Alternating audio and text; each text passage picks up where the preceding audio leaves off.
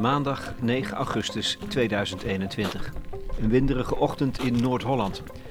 We kijken uit over de Beemster. Typisch Hollands uitzicht. Ah, dat vlakke land. Al ligt het ene stuk ingepolderde land meters lager dan het andere. We zijn met z'n drieën. Nienke Laverman, Marian Minnesma en ik, Lex Bolmeijer. Dit is de elfde aflevering van een reeks podcasts over Plant. Het nieuwe project van Nienke Laverman en Sietse Bruiksma. Ze stellen de ontwrichte relatie tussen mens en natuur aan de orde. Zo, wat een uitzicht op de dijk. Waar je, waar je woont, aan de voet van de dijk, Marian. Ehm, dit is nieuw land, hè, waar jij woont? Ja, dit noemen ze hier nog steeds het Nieuwe Land. Het is er al vanaf 1600 ongeveer. Toen is het hier leeggemalen met heel veel molens.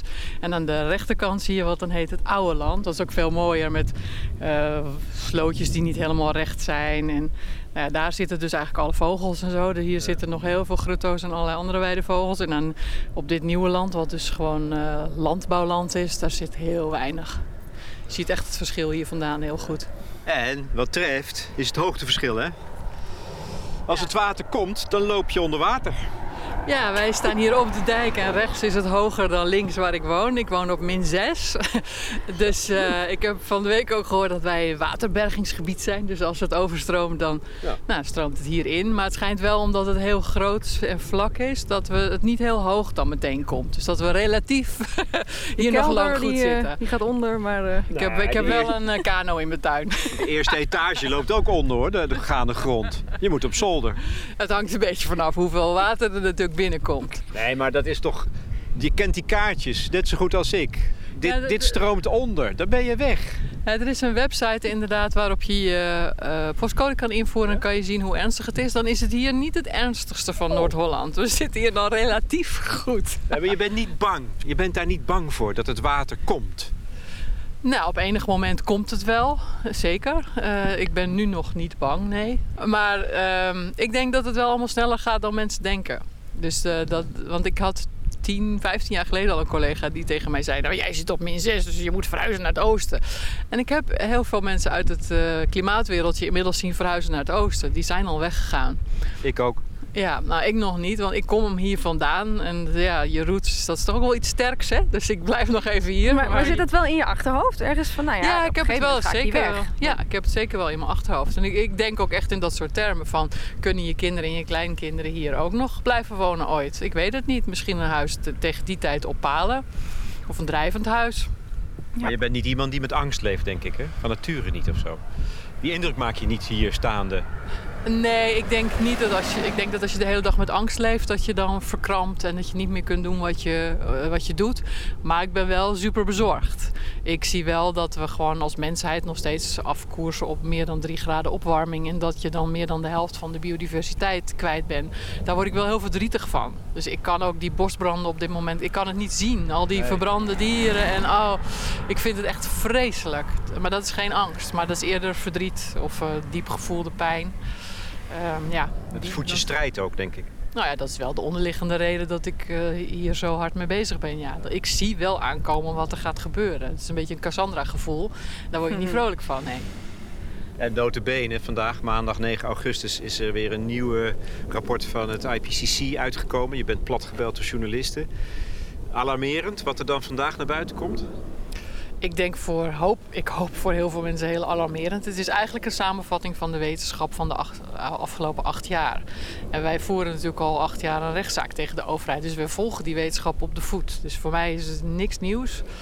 Maar als je het allemaal op een rijtje ziet, wordt het je toch wel weer koud om het hart. En ik hoop dat het dat effect ook heeft voor politici. Kijk, ze zitten nu in Den Haag voor een nieuwe regering een regeerakkoord te schrijven. Dit zou bovenaan moeten staan klimaatverandering voorkomen. En dan, dan moet leidend zijn. Dat is niet een van de dertig onderwerpen waar we ook nog een beetje aandacht aan moeten schenken. Dit moet voorop. En dan ga je allemaal andere keuzes maken. En dan ga je ook zeggen, nou, over tien jaar rijden er alleen nog maar elektrische auto's. En we schaffen gewoon benzine en diesel af. Op elk dak wat niet te slecht is, leggen we zonnepanelen neer. Uh, we gaan geen BTW op groente en fruit doen. En een hele hoge op, op vlees. Want we moeten gewoon stoppen met dierlijke eiwitten. En we moeten naar plantaardige eiwitten. Nou, enzovoorts. En je kan best in tien jaar een enorme omslag maken. En dan moet je eigenlijk nu in gang zetten. Hadden ze natuurlijk al lang al moeten doen. Maar in ieder geval moet het nu. Er is eigenlijk geen vier jaar vertraging meer mogelijk. En zo'n rapport uh, hoop ik, helpt dan weer een beetje. Terwijl het nog niet eens de meest alarmerende versie is hè, die ze hadden kunnen schrijven. Nee, het is een samenvatting van acht jaar. En dan is het natuurlijk ook nog een soort gemiddelde van allerlei mensen die iets vinden. En ze kijken naar de wetenschap met de oog van dit is heel zeker, dat geven we een zwaar gewicht. En dit is een, nieuwe manier van kijken, dus dat geven we minder gewicht. En de nieuwste manieren van kijken zijn veel alarmerender. En ik denk zelf dat die het best wel eens goed zouden kunnen hebben. Maar die zitten nu minder zwaar in deze rapportage. En wat is kenmerkend voor die nieuwe manier van kijken? Nou, waar ze nu en ook in het volgende rapport, wat begin volgend jaar pas uitkomt, um, meer over gaan hebben, is die zogenaamde tipping points. Dat op een bepaald moment, dan hou je het smelten van uh, bijvoorbeeld Antarctica niet meer tegen. Of dan neemt de Amazone geen CO2 meer op, maar geeft ze het af. En ga, krijg je daar dus uiteindelijk door droogte ook steeds meer bosbranden en wordt het savanne. Ja, dan uh, krijg je dus dat de CO2 die eerst was opgenomen in de lucht komt en dan gaat het versneld. En dan ga je allerlei processen versneld krijgen, hou je het gewoon totaal niet meer in de hand.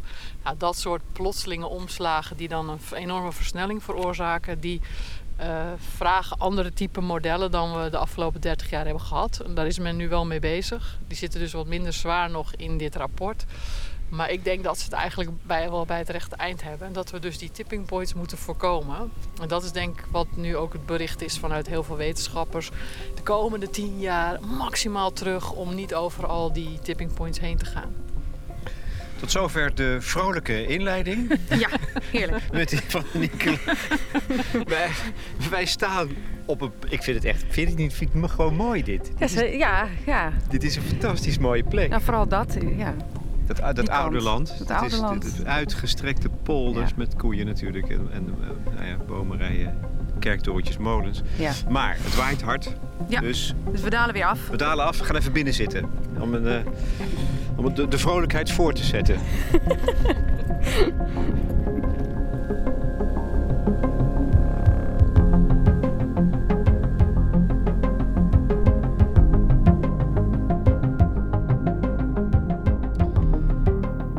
Marian Minnesma is directeur van Urgenda, een organisatie die zich inzet voor innovatie en duurzaamheid, maar ook een internationaal befaamde rechtszaak won in 2015 tegen de eigen staat. Het was een unicum in de wereld. De rechter gaf Urgenda en nog 900 andere mede-eisers gelijk in de eis dat in 2020 de uitstoot van broeikasgassen met 25% verminderd zou zijn ten opzichte van 1990. Goed, inmiddels zitten we binnen, lekker behagelijk, om te praten over onbehagelijke dingen. Ja, dat is toch onvermijdelijk, denk ik.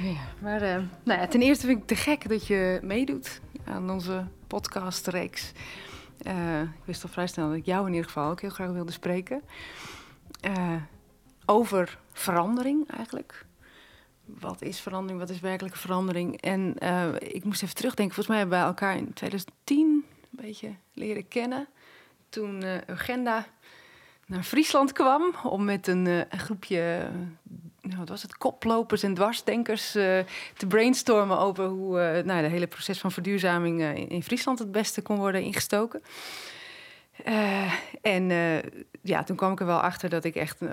ik, was daar uitgenodigd, wat op zich heel grappig was. Want ik voelde mij verre van een koploper. Ik wist toch helemaal niks. Ik zat echt met mijn oortjes te klapperen daar tijdens die meetings. Eh, maar ik heb er heel veel eh, nou ja, van opgestoken. En het, inmiddels is het wel helemaal nou ja, ingedaald zeg maar, in, in ook het werk wat ik maak en in mijn, in mijn leven. Eh, en ik had meteen al enorme bewondering voor jou, voor de daadkracht en het, al ver vooruit zijn in denken. Maar ik, ik wilde eerst wel weten, wat is, was er voor jou een moment of een periode eh, dat het voor jou echt eh, indaalde van shit, dit gaat, wij zijn niet goed bezig, er moet iets gebeuren.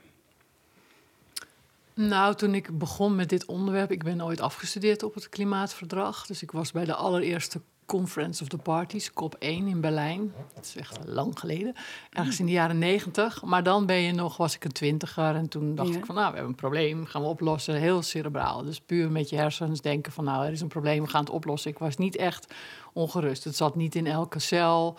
Ehm, ja, het was gewoon een, een onderwerp waarvan je dacht, nou, daar moeten we wat aan doen. Dus toen was ik niet zo ongerust als nu. Het is echt van een andere orde. En ik heb daarna verschillende banen gehad, maar onder andere tien jaar aan de universiteit gewerkt, aan hele grote internationale projecten. met de beste klimaatwetenschappers wereldwijd. En dan zag je dus dat de beste mensen het meeste ongerust waren. En Hm. dat, ehm, ja, dat verontrustte me behoorlijk. En ik denk, net als bij veel mensen, dat er ook wel een omslag komt in gevoel op het moment dat je kinderen krijgt. Hm. Want mijn kinderen zijn alle drie van begin deze eeuw. En volgens de statistici kunnen ze dan 2100 halen. Nou, als je te veel weet, en daar heb ik dan helaas last van, dan weet je dat de tweede helft van deze eeuw uitermate ongezellig gaat worden. Dus dan denk je, ja, ik heb kinderen op de wereld gezet, maar waar heb ik ze dan in vredesnaam ingezet? Wij zijn waarschijnlijk de laatste generatie die het best behoorlijk goed en rustig hebben gehad, waarbij het continu beter, beter, beter werd. En mijn kinderen zeggen ook gewoon van, eh, ja, mam, eh, wij gaan het niet beter krijgen. Ik heb twee dochters en een zoon. En mijn oudste dochter zegt van, nou, ik wacht gewoon even deze komende tien jaar af of we het roer omgooien als mensheid. Ehm, en daar laat ik van afhangen of ik kinderen wil. En de jongste twijfelt bij voorbaat al.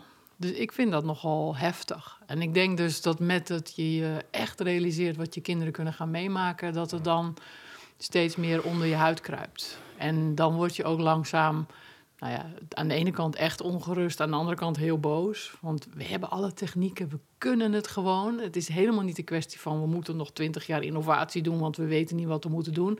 Alles ligt op de plank.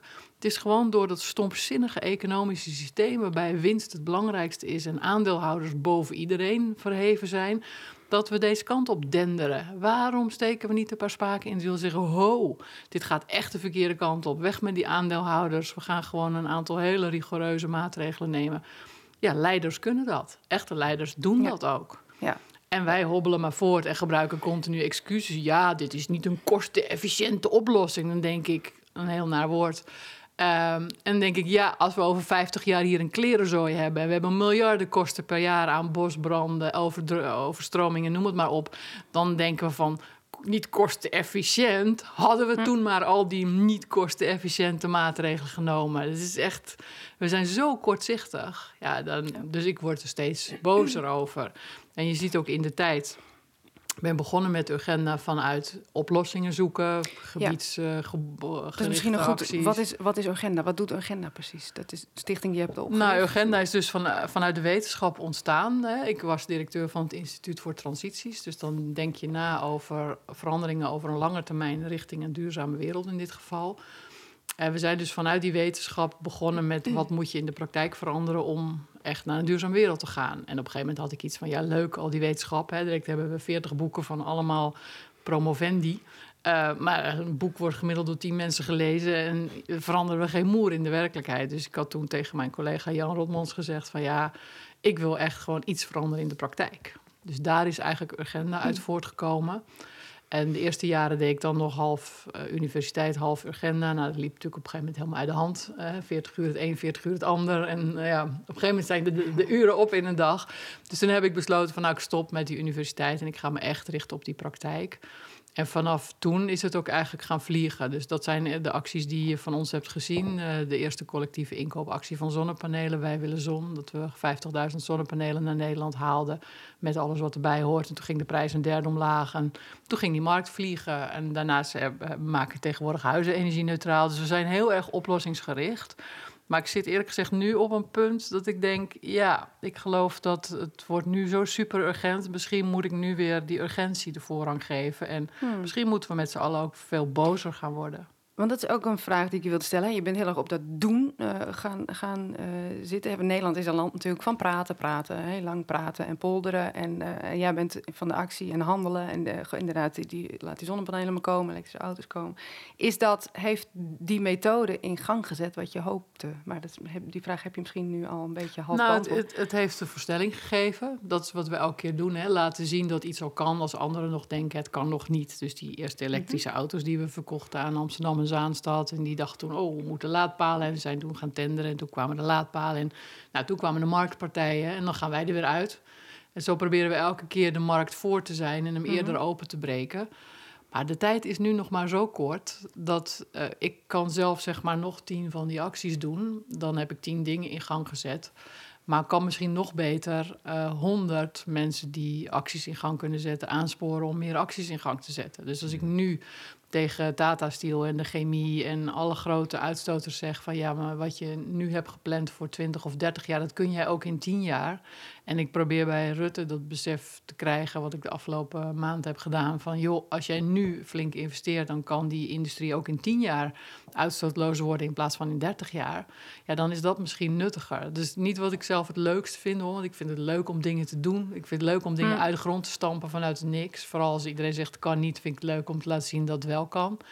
Maar geef de plek die ik nu na, weet ik veel, 20 jaar heb moet ik misschien ook eh, dat duwen gaan doen. En misschien moeten we ook met z'n allen veel bozer worden. Je hebt natuurlijk de nieuwe bewegingen van de jongeren voor het klimaat en Extinction Rebellion. Maar die zijn eigenlijk allemaal nog heel braaf. Die zitten op straat, leuk verkleed. En die zeggen allemaal: eh, It is a crisis. En, en, en behandelen het als een crisis. maar ja. Daar wordt niet naar geluisterd. Ik zie die zo'n Greta Thunberg, hè, dat meisje, dat, je ziet er ook toenemende mate boos worden. Ze heeft best wel hele stevige dingen gezegd. Ja, en al die leiders die klappen braaf en die hijsen dat kind op een schild. Maar ze gaan niet anders handelen. Dus wat moeten we nou doen om te zorgen dat ze wel anders gaan handelen? En, en Ja. vo- voordat het daarop doorgaat, eh, eh, de belangrijkste speler, de spelers die concreet dingen zouden doen, zijn de industrieën. Is dat waar je meer op zou willen richten als je 100, hè, 100 initiatieven nog kunt bedenken? Die liggen dan bij de industrie meer dan bij de burgers en de individu? Nou, we hebben natuurlijk al voor heel Nederland bedacht wat er gedaan moet worden, zowel met de industrie als met de huizen, als met het vervoer en, en landbouw. Dus er moet heel veel gebeuren. Maar de grootste uitstoters, dat is de industrie. En 40% van alle Nederlandse uitstoot wordt veroorzaakt door de industrie. Dus dan zou het logisch kunnen zijn om daarmee te beginnen. Eh, in de tussentijd moeten we natuurlijk ook al onze huizen van het aardgas afhalen en energie-neutraal maken. Daar zijn we al bijna tien jaar mee bezig vanuit ons initiatief Thuisbaas. Dus dat moet ook opgeschaald worden. Maar misschien moet ik het niet opschalen, want ik wil geen honderden mensen in dienst. misschien moet ik anderen laten zien, zo doe je het. En alsjeblieft gaan jullie eens even opschalen. Maar je kan op allerlei manieren proberen dat in gang te zetten. En een overheid is vrij cruciaal als je het in tien jaar wil doen. Dus die overheid moet gewoon op een gegeven moment eisen. In 2030, dan stoppen we met dit en dit en dit. En elk goed dak leggen we vol. En eh vieze auto's mogen niet meer. En zeker in ieder geval niet in de stad. Nou, et cetera. Dus je kunt als overheid de mensen het gevoel geven, nou, het hoeft allemaal niet morgen, dus je hoeft niet in de stress te schieten, maar wel binnen tien jaar. Ja. Dus als jij een nieuwe auto gaat kopen, als je cv-ketel stuk is, dan ga je over. En maak dan fondsen ter beschikking voor de mensen die het geld niet hebben. Want als je gewoon kijkt naar de maandlasten, dan hoeven die helemaal niet omhoog te gaan. Maar de meeste mensen hebben gewoon niet dat investeringsbedrag. Nou, de overheid heeft geld zat. Die krijgt op dit moment geld toe als ze geld lenen. Dus dit is de beste tijd ooit voor een overheid om geld eh, extra te, te lenen. En het komt namelijk binnen 20 jaar weer terug. Als je dat geeft aan mensen die hun huis energie-neutraal maken, dan kunnen ze dat gewoon per maand terugbetalen voor hetzelfde bedrag als wat ze nu kwijt waren aan energie. Dus als je een aantal van dat soort dingen doet, hè, als je op een termijn van zes jaar kijkt, dan is een elektrische auto goedkoper dan een benzine- of een dieselauto. Maar mensen kunnen dat aanschafbedrag niet betalen. Dus als de overheid nou helpt bij dat aanschafbedrag, dan kunnen mensen dat best terugbetalen. Het gaat dus vooral over organisatie. Het gaat niet over techniek. De techniek is er. Ja, de wil, de organisatie, de politieke wil en de steun aan mensen die het zelf niet kunnen betalen. Het hoeft niet morgen, zei je. Daar heb ik, wil ik dan straks nog wat vragen over. Nou ja, kijk, het hoeft eh, van mij eigenlijk natuurlijk morgen. Maar Ja. je ziet dat als je zegt van nou, morgen moet je cv-ketel in de tuin en overmorgen je auto bij de schroot. Dan gaat iedereen met de hakken in het zand. Dan kom je er gewoon niet. Dat is wat er gebeurd is bij die energie- en klimaattafels. Toen kregen mensen de indruk van oh jee, eh, m- meneer Samson wil dat ik mijn cv-ketel morgen wegdoe. En er gingen massaal boze mensen in allerlei eh, bijeenkomsten verschijnen. Mhm. Terwijl als Maar- je zegt van we hebben tien jaar, want dan moet wel tien jaar, we hebben geen ja, twintig, of je legt het 30. beter uit, denk ik dan. Waarom, Nou- het, waarom we het morgen gaan doen. Nee, want als je zeg maar, ook al leg je het heel goed uit, als mensen denken van ja, mijn auto en mijn cv-ketel, dat is samen, weet ik veel, 15.000 euro waard. Dat ga ik toch niet zomaar eh, bij de schroothoop zetten. Dat snappen mensen ook niet. Dus je moet wel gewoon de kans geven om de omslag te maken, nog los van het feit dat we helemaal de techneuten niet hebben om iedereen nu van een warmtepomp te voorzien. Want eh, als ik nu met Hmm, een woningcorporatie 200 woningen in de Zaanstreek doe, dan klaagt het netwerkbedrijf al van we hebben geen tijd om de berekening te doen of het uit kan hier of niet. Nou, Dus er moet ook wat gebeuren. Netwerkbedrijven moeten heel veel meer ruimte krijgen en mankracht. En we moeten heel veel mensen omscholen. Dus we moeten als vakbeweging niet gaan piepen als er een kolencentrale dicht moet. Dan moeten we zeggen: hoi, 200 mensen voor op de arbeidsmarkt. Die hebben we hard nodig. Die gaan we omschalen. En nee, in de plaats daarvan remmen ze het een jaar lang met allemaal onderhandelingen over uh, afvloeingsregelingen. Dan denk ik: kom op. Mhm. Dan snap je nog steeds niet hoe ernstig het is. Nee. Het proces van plant eh, is, nu nou, twee jaar ongeveer ben ik daar, zit ik daarin. En eh, ik merk dat dat, nou ja, dat is een, een continu eigenlijk eh, zoektocht, eh, onderzoek waarin ook de hele tijd inzichten elkaar opvolgen en waarin ook de hele tijd de benamingen van wat de essentie eigenlijk is ook verschuift. We begonnen bijvoorbeeld publiciteitsteksten met, ja, dat gaat over de relatie mens-natuur. Inmiddels is dat verschoven naar nee, plant gaat over het bevragen van aannames. Eh, wat vinden we gewoon, waarom? Wat, eigenlijk is dat de hele tijd waar ik nu op, op, op terugkom. En dat zal jij, denk ik, ook in het hele onderzoek naar, wat, eh, naar die verduurzaming, eh, denk ik, tegenkomen. Vraag me af of jij dat herkent, van dat je inzicht rolt uit een inzicht en dat je steeds... het vraag alleen al, wat is duurzaam, is al best een lastige vraag. Dus mijn vraag aan jou is: herken jij dat, dat, dat je eigenlijk bijvoorbeeld ook eh, een, aantal jaar geleden bepaalde aannames had over ja, zo moeten we dit doen, waar, die je nu alweer eh, gigantisch onderuit kan halen? Nou, ik ben natuurlijk wel al een jaar of dertig bezig, dus Mhm. ietsje langer. Dus een aantal eh, vragen heb ik niet meer. Ehm, Maar in de manier van aanpak ook bedoel ik, van hoe je zelf op een gegeven moment denkt: nou je ja, wat, wat, ik zelf eigenlijk het meeste tegenkom, is dat ik dus eh, al een heel eind verder ben dan Mhm. heel veel eh, mensen die worden gezien als specialisten. Kijk, wij hebben een boekje gemaakt, 100% duurzame energie in 2030. Het kan als je het wilt. Mijn eerste versie kwam uit 2012. Dat is inmiddels alweer nou, bijna tien jaar geleden. En ehm, ik werkte met een energietransitiemodel en daar zat dus de kennis in van heel veel experts. En dan ging ik bij die experts langs en dan zei ik, nou in dat model zitten nu windmolens van 3 megawatt. Dat kan toch voor 2030 echt wel groter worden? Nee, dat kon echt niet.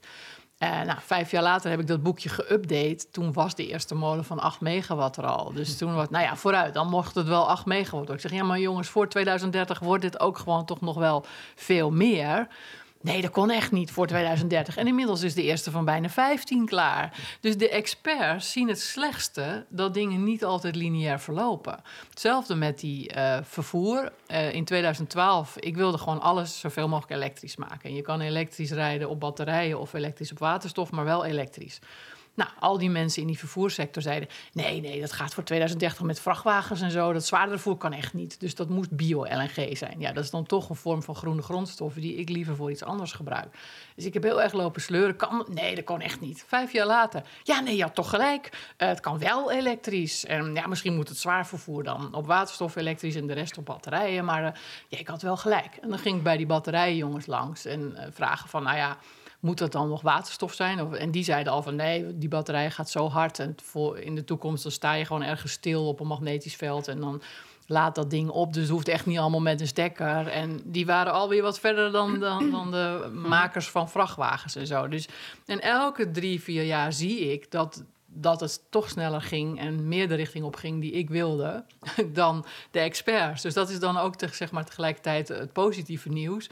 Dat ook al zeggen experts, zo snel kan het niet. Vaak kan het wel sneller, vaak gaat het ook sprongsgewijs. We vinden weer dingen uit. Dus we, we kunnen een heel eind komen. En het gaat allemaal ook aan die kant sneller dan je denkt. Dus het gaat sneller fout dan je denkt, maar het gaat ook sneller goed dan je denkt. Het is een race. Ja, hoe, hoe komt het dan dat jij zo voorop loopt? Altijd, altijd voor de troepen uit. Nou, ten eerste zoeken wij natuurlijk altijd naar de koplopers. Dus die komen ook op je af. Dus ik krijg heel veel rare snuiters. En, en ik En laat. jij ze met te vertrouwen juist. In plaats van te denken, nou, dat raar plan. Nou, ik laat in ieder geval iedereen binnen. Ik praat met bijna iedereen. En bij heel veel grote organisaties komen die mensen niet binnen. Want dan denkt een directeur van, wat is dat voor rare snuiter? En of die wordt afgedaan bij iemand. Ik merk het ook bij eigen collega's hoor. Ik bedoel, de, ik heb natuurlijk een aantal echte beta-mannen. En die, die denken gewoon in wat ze hebben geleerd op de TU. en, en ik denk dan nog gewoon net ietsje breder. En denk af en toe van, nou ja, dat kan je wel denken. Maar misschien, hey, weet je wel... Ehm, uh, dus ik praat met veel mensen, ik houd contact. Ik probeer ze in contact te brengen met financiers. Ik, ik check bij de wetenschappers waarvan ik weet dat die net even breder kijken. Want ook onder wetenschappers heb je gewoon uh, nou ja, mensen die eh, alleen maar op het gangbare pad zitten en mensen die een open out-of-the-box blik hebben. En als je zeg maar al heel lang in het veld zit, dan weet je op een gegeven moment ook van nou, dit zijn de out-of-the-box types en die niet. Hmm. En, en, dus je kunt het veel beter wegen. En die zoek ik de hele tijd op, die bevraag ik. En dan zie je gewoon dat dingen sneller gaan dan wat de gangbare types dachten. En wat je vertelt, dat zit wel allemaal ook op het vlak van techniek of van technologie. Van daarin is, heb je zelf daar ook wel weer eens vragen bij gesteld. Van is dat het pad wat, wat het ook moet zijn? Nou, techniek Maar- is zeker maar een deel van het pad. Maar als je de oplossingen niet hebt, dan, dan komen we er sowieso niet. Dus dat is eh, eigenlijk een soort basis. Je moet laten zien dat het kan. En dan is de volgende stap, hoe gaan we mensen overtuigen dat het moet? en hoe ga je dan zorgen dat zonder dat iedereen de hakken in het zand zet, dat we de overgang maken? Dus het, waar we nu in zitten, dat vragen van de politiek om te doen wat nodig is. En de mensen het vertrouwen geven dat je zonder met vijf truien in een hoekje te hoeven zitten, echt wel naar een energie-neutraal huis kunt. En dat je misschien wel gezonder wordt als je iets minder vlees eet, et cetera. Dat is een vervolgstap. Maar als je niet eerst de oplossingen hebt, dan praat je in het luchtledige. En dan is er de, de weg van de rechtspraak. Precies, want naast dat doen of na het, het- het dingen doen en in gang zetten, eh, heb je op een gegeven moment ook de weg van de rechtspraak bewandeld via de klimaatzaak die Urgenda heeft aangespannen tegen de Nederlandse staat. Ehm, ja, ten eerste even, wat is de huidige stand van zaken? Want er is beroep geweest en eh, nou ja, het, het, loopt eigenlijk nog steeds. Is er, of zie je nog niet dat het werkelijk wordt opgepakt? Wat, wat is op dit moment? Nou, wij zijn in 2012 begonnen met aankondigen. En toen, in 2013 kwam onze dagvaarding. In 2015 hebben we gewonnen bij de rechtbank. Ja. Die uitspraak was, zoals dat heet, bij voorraad uitvoerbaar. Dus die hadden ze meteen moeten uitvoeren. Dus het was niet zo, dat- want ik ga in hoger beroep, want dan stel ik het nog een beetje uit. Dan zegt zo'n rechter, dit is bij voorraad uitvoerbaar, om dat te voorkomen. Maar zij zijn niet gaan uitvoeren. Ze hebben gehoopt dat ze zouden winnen in hoger beroep. Ze verloren in hoger beroep bij het Hof. En toen hadden ze nog niks gedaan. Toen waren we inmiddels alweer jaren verder, waren we in 2018. En toen zijn ze in cassatie gegaan naar de Hoge Raad. En daar hebben ze op 20 december 2019, dus zeg maar elf dagen voordat 2020 begon, hebben ze de uitspraak gekregen dat wij gelijk hadden. Nou, tot die tijd hadden ze nog heel weinig gedaan. We hebben één kolencentrale gesloten bij de Hemweg. Nou, dat scheelt dus even 1 megaton. In dat laatste jaar hadden ze nog een gat van 16,5 megaton. Dus dan weet je een beetje dat 1 megaton niet heel veel is. Vervolgens kregen we nog een andere zaak over stikstof. En vanwege die zaak zijn ze de um, snelheid gaan verlagen. Dat helpt ook voor onze zaak. De rotmaatregel, toch? Was dat? Ja, en dan, en dan te flauw voor woorden, eh, dan vinden dat je, ja, je kan niet 100 rijden hoor, dan moet je vanaf 7 uur weer 130 kunnen. Ja, maar voor onze zaak was het heel belangrijk geweest als je het gewoon 100 hield. Dat had je gewoon weer een andere megaton kunnen schelen. Maar nee, eh, het was heel erg om 100 te rijden. Ja, dat waren eigenlijk de enige twee dingen die ze zo'n beetje hadden gedaan toen wij voor de derde keer wonnen. En toen kwam eigenlijk pas in april 2020 een pakket voor de Tweede Kamer om in 2020 25% minder uit te stoten dan in 1990. Dus dat jaar was al een derde op weg toen ze eindelijk met een pakket kwamen. Nou, dus dan wist je bijvoorbeeld al dat ze het niet gingen halen. En toen hadden ze dus de mazzel tussen heel veel aanhalingstekens dat we corona hadden. En mede daardoor dat de, economie op zijn gat lag. Dus de aardgas werd minder gebruikt. Dus die prijs was lager dan steenkool. Dus de kolencentrales gingen uit. Alle gascentrales kwamen ineens uit de mottenballen. Dus waar altijd gezegd wordt... nee, we hebben al die kolencentrales nodig. Bleek helemaal niet waar te zijn. Toen de, prijs, toen de markt het dicteerde, gingen alle kolencentrales bijna dicht. Dus er wordt heel veel continu gezegd wat niet waar is. Um, en we hadden een warme winter, dus dan gebruiken wij allemaal wat minder gas. Dus we hebben vorig jaar een enorme dip gehad in uitstoot door corona en die, die uh, lage aardgasprijs. Maar nu is die alweer 5 megaton omhoog gegaan. En dat is voor ons de reden om nu op dit moment een zaak voor te bereiden voor de um, kortgedingrechter.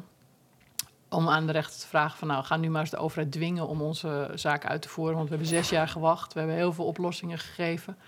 Uh, we hebben eerst een 40-puntenplan gemaakt, toen een 54-puntenplan. We stonden klaar met 800 organisaties om te helpen en ze hebben het nog niet gedaan.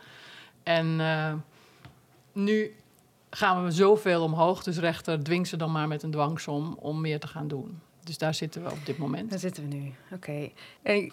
Uh, hoe kijk je erop terug? Want ik kan me ook voorstellen dat het ook een beetje als een kunstgreep voelt. Van nou ja, als het dan echt op geen enkele andere manier lukt, dan maar via de de rechtspraak. Of, uh, en zelfs komt bij mij de vraag op: voelt het ook niet als een, een, soort poppenkast?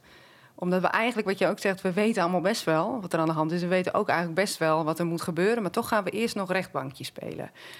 Uh, in, kijk, Urgenda is eigenlijk voor 95% alleen maar bezig met oplossingen. Dus in die zin past het helemaal niet bij ons. Het is een mm -hmm. beetje, zeg maar, de oude milieubeweging... die vertelt vooral anderen wat ze moeten doen, de overheid en het bedrijfsleven. Dat was niet waar Urgenda zichzelf voor heeft opgericht. Die wilde gewoon oplossingen zelf implementeren... en de weg bereiden waarna anderen het konden nadoen.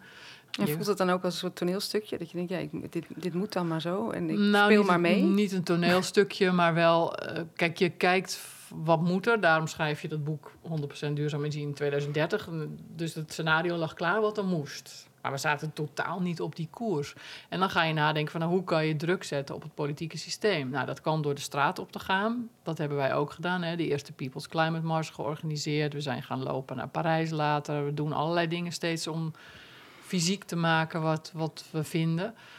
Maar een andere optie was wel die rechtszaak. Ja. Um, dus ja, als je dan gaat denken, er zijn eigenlijk maar weinig dingen waar de overheid nog naar luistert. Heel veel boze boeren, dus heel veel boze mensen, dat is één. En, en tot nu toe in een rechtsstaat ook de rechter. Ja.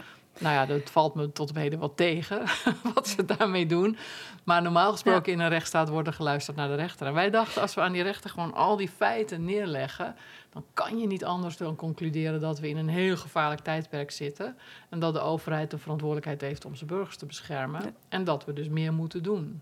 Dus ja. mijn grootste zorg was, gaan die rechters het goed lezen? Nou, ze hebben het echt heel goed gelezen. Ik ben echt heel trots op al die rechters die geweldige vonnis hebben geschreven. Ja. En dat hebben ze echt volgens mij heel veel in hun eigen tijd gedaan. Want dit red je niet in de normale uren die je krijgt tegenwoordig. Nee.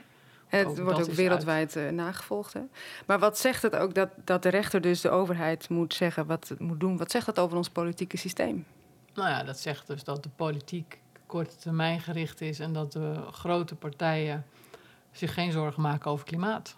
Dus dat is heel zorgelijk. De hele rechterkant van het spectrum, en dat is ook CDA en VVD, maakt zich niet voldoende zorgen over klimaat. Ik denk dat uh, de geschiedenis ook hard voor ze gaat zijn hoor. Ze staan echt aan de verkeerde kant van de geschiedenis. Maar en zijn er bepaalde partijen, of is het ook het hele systeem? Is, is de democratie, zeg maar, als systeem opgewassen tegen dit soort uh, problemen? Nou, ik denk als je, uh, als je nu twintig jaar kabinetten had gehad met GroenLinks, Partij van de Dieren, D66, mm. dat er dan, als het goed is, iets heel anders zou staan. Maar we hebben gewoon twintig jaar lang VVD, CDA in de meerderheid gehad. En die wilden gewoon helemaal niks. Die hebben gewoon continu uh, meegestribbeld. En half juni ben je inderdaad naar Rutte gestapt. Misschien onder het mom van ik wil je nu wel eens een keer uh, spreken. Nou, ik, ik, ik, had het beleefd van hem gevonden als hij zelf na zes jaar eens een keer mij had uitgenodigd. Maar dat deed hij niet. Dus ik heb hem inderdaad een brief gestuurd van nu wil ik jou zelf spreken. Ik heb Wiebes gehad van Bas van het Woud, mevrouw Jezielgoes, maar ik wil nu jou spreken. Nou, dan had ik ook wel binnen twee weken een afspraak. Dus blijkbaar en, moet je erom vragen. Ja, en uh, had je het gevoel dat je binnenkwam? In, tijdens het gesprek? Nou, ik had gevraagd om de eerste twintig minuten een PowerPoint te geven, een college. En dat hij stil zat en luisterde. En dat heeft hij gedaan. Oké. Okay. dus ik heb wat ik normaal doe in al mijn lezingen, gewoon uitleggen. De CO2-uitstoot uh, gaat heel hard omhoog. Um, en ook het feit dat hij nooit meer mag zeggen rustig aan. We hebben nog 30 jaar tot 2050. Hebben uitgelegd wat dat betekent. Dat we dan dus al ver over de 2 graden heen zijn. En dat hij dus die hypotheek legt bij de jeugd die dan al die CO2 weer uit de lucht moet gaan halen. Wat veel te veel is. Met al die bosbranden. Hè. Je ziet nu ook bossen die zogenaamd compensatie waren. Hè, die zijn geplant voor andere uitstoot. Ja, die gaan nu in de brand eh, alsnog de lucht in. Dus niks niet compensatie dat is gewoon niet een goede oplossing. Dus uh, nou ja, ik heb gewoon daadwerkelijk een heel lang verhaal gehouden. En aan het einde dus uitgelegd van nou, dit was onze rechtszaak. Jullie doen niet wat je moet doen. Dit zijn oplossingen om het alsnog te doen dit jaar. En by the way, um, er zijn nu recent twee zaken geweest in Duitsland en Frankrijk. Die gingen al over 2030. En daar heeft de rechter allebei de keren de jongere mensen en, en de milieubeweging gelijk gegeven. En gezegd van ja, als je je hele zogenaamde carbon budget, dus alles wat je nog kunt uitstoten om onder de anderhalf graad te blijven, als je dat allemaal al hebt uitgestoten, dan hebben die jonge mensen na 2030 eigenlijk geen ruimte meer. Dat is ook een schending van hun mensenrechten. En daarom moet je voor 2030 meer gaan doen. En de Duitsers hebben binnen een week gezegd: oké, dan hogen wij ons doel op van 55 naar 65 procent. Dus die handelen zoals je in mijn ogen in een rechtszaak, in een rechtsstaat moet handelen. Ja. En dat heb ik Rutte voorgehouden. Jij bent nu al zes jaar eh, onze rechtszaak niet aan het uitvoeren. Neem eens een voorbeeld aan Merkel. En in Frankrijk en Duitsland hebben ze al gewonnen voor 2030. Ik kan nu zo een rechtszaak gaan starten voor 2030 en die win ik. En wat zegt hij dan?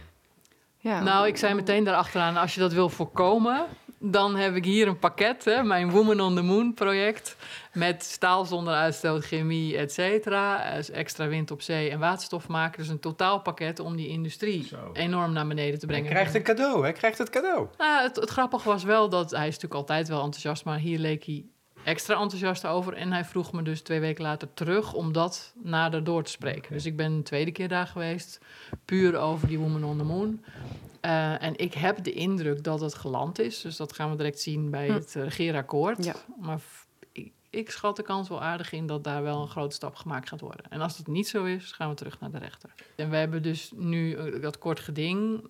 Maar we kunnen ook terug naar het Hof van de, voor de Mensenrechten. En als dat Hof gaat zeggen, ja, Nederland schendt mensenrechten. Dan zei je in het rijtje van Orbán en een aantal andere vervelende mensen. Hmm. Ik denk niet dat dat leuk is voor Rutte. Nee. Nou, dus ik denk dat hij dat soort dingen wel wil voorkomen. En wat hij leuk vindt, heb ik gemerkt, is dat eh, zo'n plan voor de industrie, als wij dan de koploper worden in misschien wel de wereld, dat vindt hij wel leuk. Nog één vraag even over het recht. Eh, in december 2020 toen diende eh, de Partij voor de Dieren een motie in om onderzoek te doen, volgens mij, naar het, het strafbaar stellen van ecocide. Die motie is, eh, is van de baan weer, geloof ik. Of die is, eh, maar ehm, zou dat volgens jou ook een belangrijke volgende stap zijn? Nou, dat is natuurlijk een, een wereldwijde campagne die door Mhm. Polly Higgins in gang is gezet, die helaas is overleden. Ehm, dat zou heel mooi zijn als dat op den duur komt. Maar als je ziet hoe lang het heeft geduurd voor het klimaatverdrag er was en voor het vervolgens werd geratificeerd en uitgevoerd, die tijd hebben we niet meer. Dus ik vind dat allemaal hartstikke goed. Het zet druk op het systeem en het wijst allemaal de goede kant op. Maar zelf zou ik daar mijn kaarten niet op zetten, want dat duurt gewoon te lang. We hebben al een klimaatverdrag, we hebben een biodiversiteitsverdrag. Laten we dat in vredesnaam eens een keer gaan uitvoeren. Zet daar de druk op en wijs de weg met de oplossingen. En nou ja, nu al die rampen wereldwijd, dat is ook een wegwijzer dat, dat je dat niet moet willen. Eh, dus ik, ik ben helemaal voor zo'n verdrag. Maar eh, het duurt te lang voordat dat in werking is en dan ook nog gaat leiden tot actie.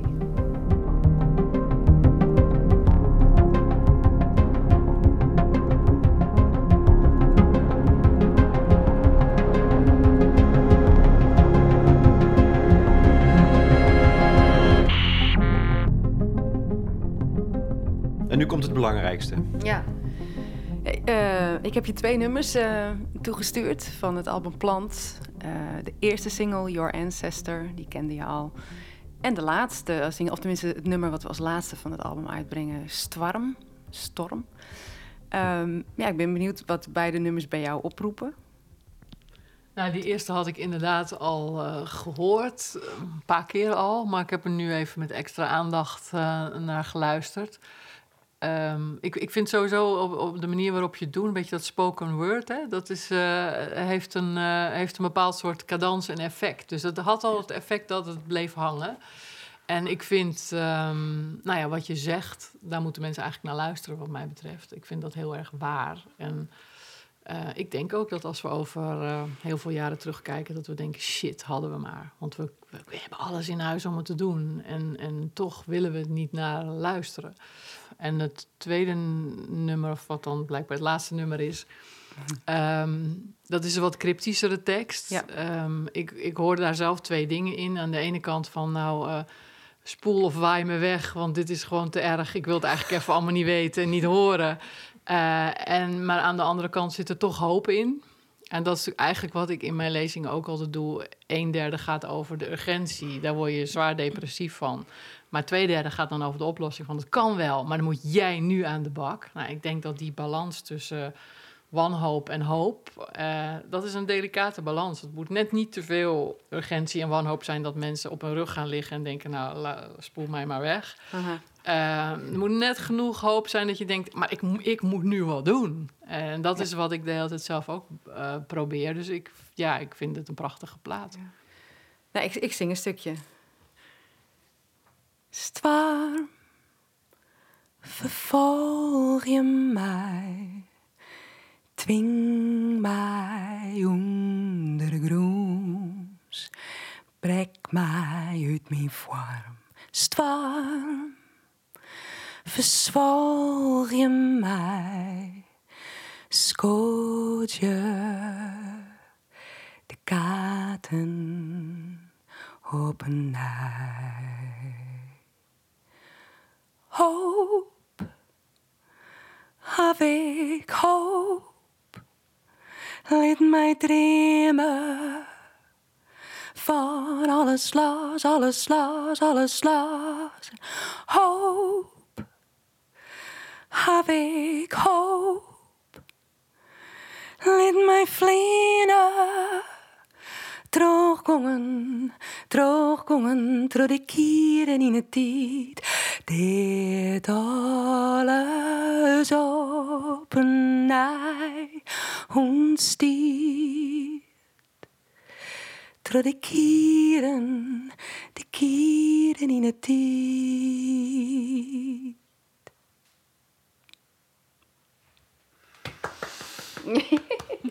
Intussen raast er een, eh, een, een- een zware bui. Ik wil niet zeggen storm over Ja. deze oude boerderij. Maar verandering dus als storm. Als iets wat, dat is, eh, als iets wat ook mee kan slepen. Dat is voorstelbaar. Daar zou je op hopen. Zeker, nou, eh, qua zeg maar, lied voel je inderdaad dat verlangen. Want het eerste nummer is heel erg, daar zit een heel ander soort Ja. eh, emotie in. Ehm, dus ja, ik denk dat heel veel mensen eh, hopen dat het nog goed gaat. Maar het gaat niet vanzelf goed. Iedereen moet wel eh, de schouders eronder zetten. Ja, maar dat, dat is een vraag van als we het hebben over verandering, over werkelijke verandering, waar staan we op dit moment? Is, zie jij iets van die werkelijke verandering gebeuren al? Ja, ik, ik zie wel dat eh, als ik zeg maar over 30 jaar kijk, waar ik een beetje nu eh, met, met dit onderwerp bezig ben, zie ik wel dat de laatste vijf jaar en heel veel meer mensen doordrongen zijn van het feit dat er wat moet, maar ook dat heel veel bedrijven al die oplossingen wel klaar hebben liggen. Dus het is nu van gaan we ze helpen om versneld de overgang te maken, dat ze het niet in 20 of 30 jaar gaan doen, maar in 10, of laten we ze doormodderen. En we moeten dus echt de handen ineen staan. Politiek, bedrijven, mensen. Iedereen moet zijn stukje van die puzzel doen. En dan redden we het nog. En ik vind, als je nu ziet dat zeg maar, in de meeste enquêtes 80% van de mensen ongerust is. En ook ongerust is gebleven. Ook in coronatijd. Meestal als er een crisis is, dan, dan dip, krijg je weer een dip. Hè? Dan is duurzaamheid ineens weer niet belangrijk. Maar dit staat nu de hele tijd in de top drie. Maar kan hier ook een soort tipping point komen in dat proces? Dat het opeens juist dat er iets gebeurt waardoor dat de veranderingsbehoefte vergroot en versneld wordt. Ja, er is nu ook een zogenaamde social tipping point beweging. Ja, en, en, ja, en, eh, en die social tipping points worden nu ineens eh, benoemd. Dat zegt ook iets, hè? dus de tijdgeest is veranderd. Ehm, dus we staan op, op meerdere vlakken op een tipping point. In het negatieve is zeg maar in het natuurlijke systeem, maar in het positieve wel dat de mensheid begint te zien van shit, we moeten wat doen. En als we met z'n allen de schouders onder zetten, want die social tipping point zegt ook iets van ja, misschien moeten we niet wachten op die machthebbers, maar moeten we zelf met z'n allen aan de slag. En ik denk dat het heel erg en, en, en, en is. We redden het niet alleen met een beweging van onderop, maar een politiek gaat ook niet bewegen als die beweging van onderop er niet is. Dus je hebt beide nodig om te versnellen. Maar dan zit er een twijfel bij mij dat ik denk: is werkelijke verandering überhaupt mogelijk zolang duurzaamheid nog een economisch model is? Ah, de onder zit natuurlijk veranderende waardepatronen die nodig zijn. Alleen dat zijn veel lang, langere golven. Dat gaat niet eh, binnen een paar jaar. Ik hoop ook dat we op een gegeven moment van dat zogenaamde neoliberale economische model af zijn. Ja, want nu is het nog steeds iets waar er moet wel geld mee te verdienen zijn. En we blijven eigenlijk steeds in diezelfde Ja. systemen die ons de das omdoen. Die, daar blijven we het maar in je ziet zoeken. wel dat er steeds meer tegen aangeschopt wordt. Hè? Economen zoals Kate Raworth en Mariana Mazzucato zijn van die nieuwe vrouwelijke economen Mhm. die andere modellen neerleggen. En er zijn steeds meer mensen die er enthousiast over worden. Dus het is ook een beetje het tijdperk van de, nou, zeg maar even 55-plussers, wat nu eh, ten einde komt. Die moeten gewoon snel plaatsvinden voor nieuwe generaties. En daar zie ik wel echt een, een kentering. Want dan moet ik ook weer denken, hè, die uitspraak van Einstein die is volgens mij al eens vaker langsgekomen in de eh, podcast. Van je kan een probleem niet oplossen eh, met dezelfde denkwijze als die het heeft veroorzaakt. Dus je kan niet het systeem binnen het systeem veranderen. En dan denk ik, ja, met al, de, al die, die technische en praktische oplossingen waar we dan mee bezig zijn, bijvoorbeeld de elektrische auto's, dan uh, is, zijn we dat dan toch niet eigenlijk aan het doen. Binnen het systeem, het systeem probeert. We, we, willen, we gaan dan niet meer op fossiele brandstoffen rijden, maar we gaan elektrisch rijden, maar we willen wel blijven autorijden. Daar gaan we niet aan tornen. We, hebben het, we stellen onze levensstandaard niet ter discussie. Ja, kijk, in dat boek staat ook gewoon veel meer dan dat. Ik denk dat in elke wijk deelauto's moeten komen te staan. Dat mensen geen eigen auto's meer nodig hebben als ze gewoon in steden wonen. En uh, ik denk ook dat we um, moeten gaan zeggen: Nou ja, je, je, onder de 1000 of 1500 kilometer gaan we niet meer vliegen.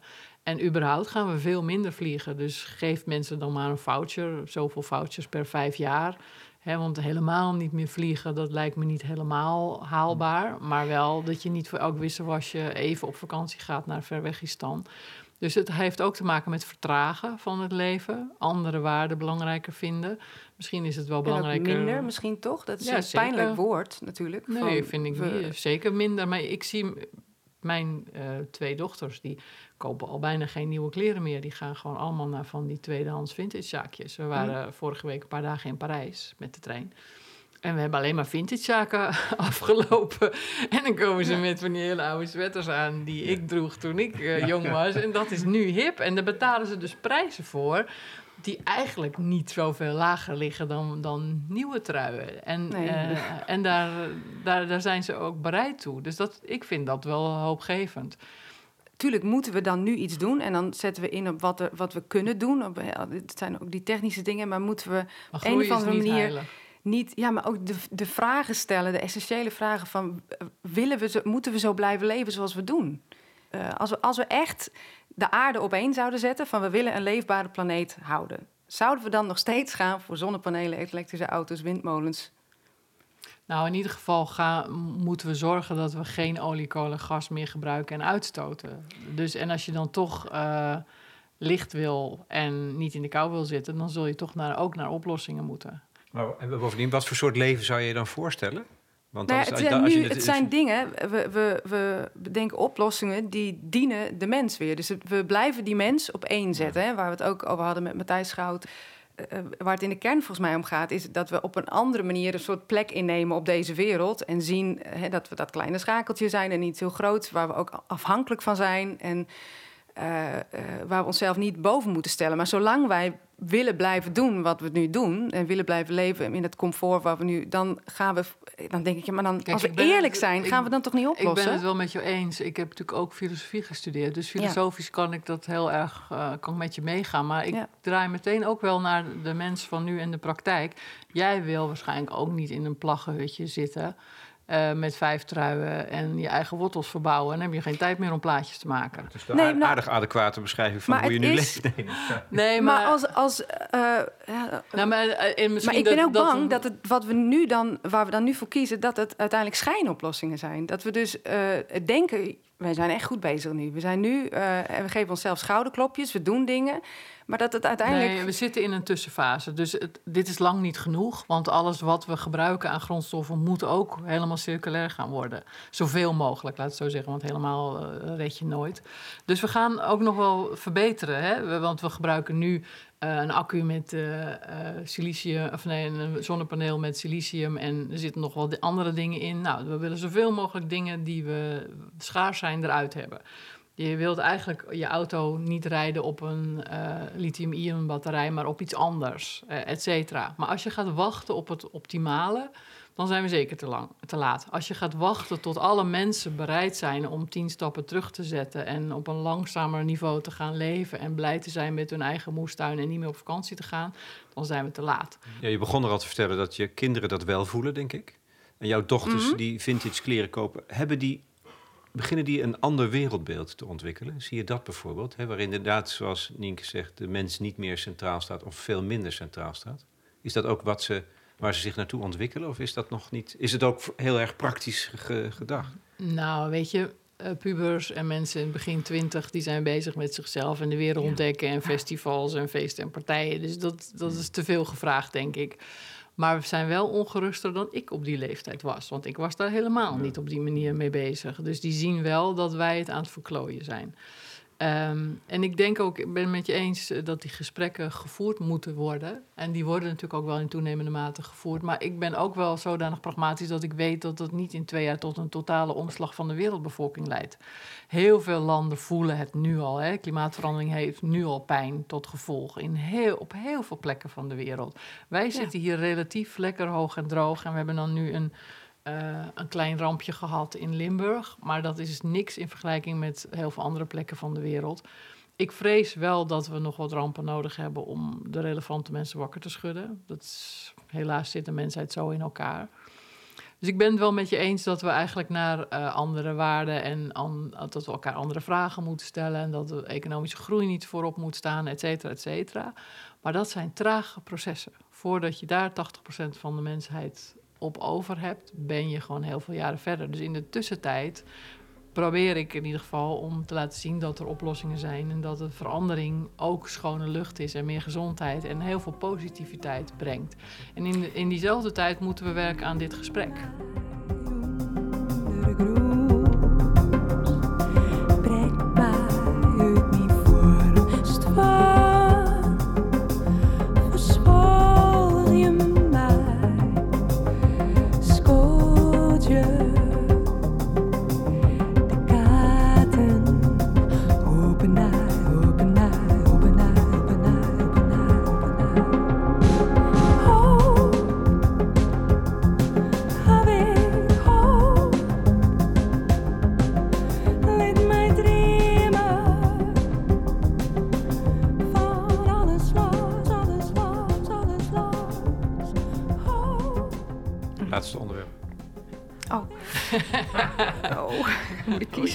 Nee, maar...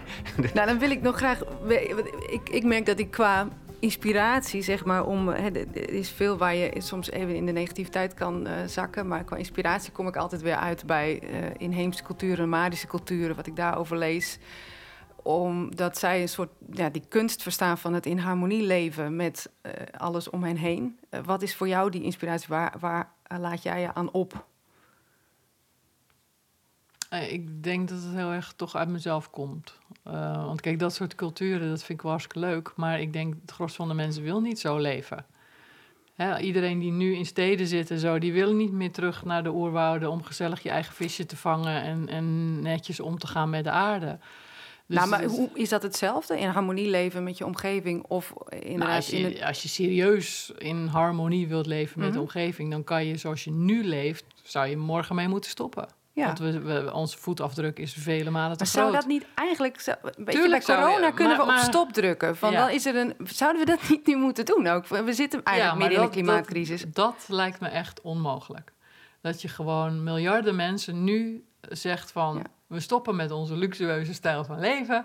We gaan uh, terug naar een voetafdruk die uh, behapbaar is voor de aardbol. Morgen. Ja. Nou, dat gaan mensen gewoon niet doen ja, dat zou ik heel graag willen. Ik zou willen dat ik iedereen kon ja. brainwashen en uh, dat ik een toverstaf had. Maar dat zie ik gewoon niet gebeuren. En, en, en met alles, hè? En, en je weet echt heel erg goed wat er aan de hand is. Maak jij een ongelooflijk krachtige indruk. Um, vrolijk, bijvoorbeeld. Ongebro ongebroken, uh, charismatisch. Ja. Niet uh, gefrustreerd. Niet, weet je, dat, ja. dat vind ik wel heel... Ik vind het ook heel ontroerend en heel mooi. Maar ik kan bijna, ja, ik kan niet zeggen, ik kan niet geloven, want ik geloof het. Maar waar, waar komt het toch vandaan, denk je dan? Ja, ik denk uh, van binnen. Uh, dat is gegeven. Ik, ik heb ook wel een heel diep vertrouwen dat we de omslag gaan maken.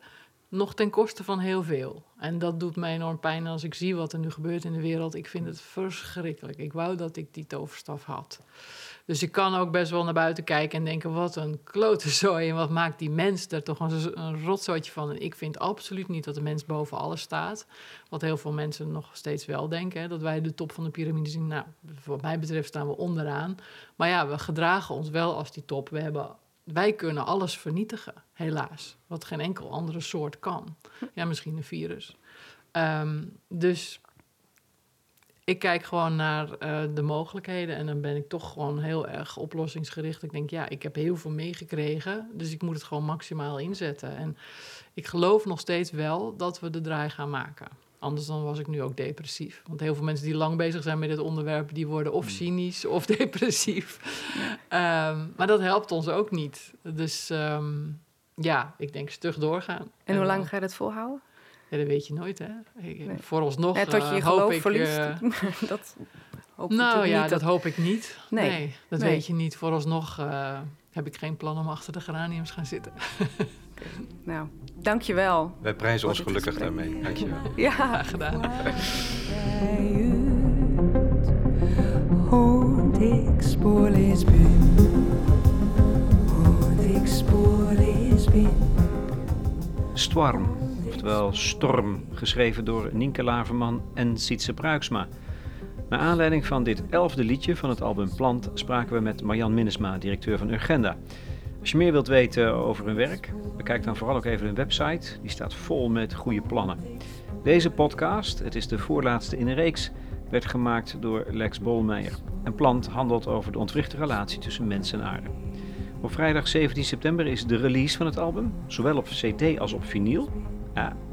Voor de liefhebbers. En als voorstelling gaat Plant in première op 15 oktober. Dit najaar dus in De La Mar in Amsterdam.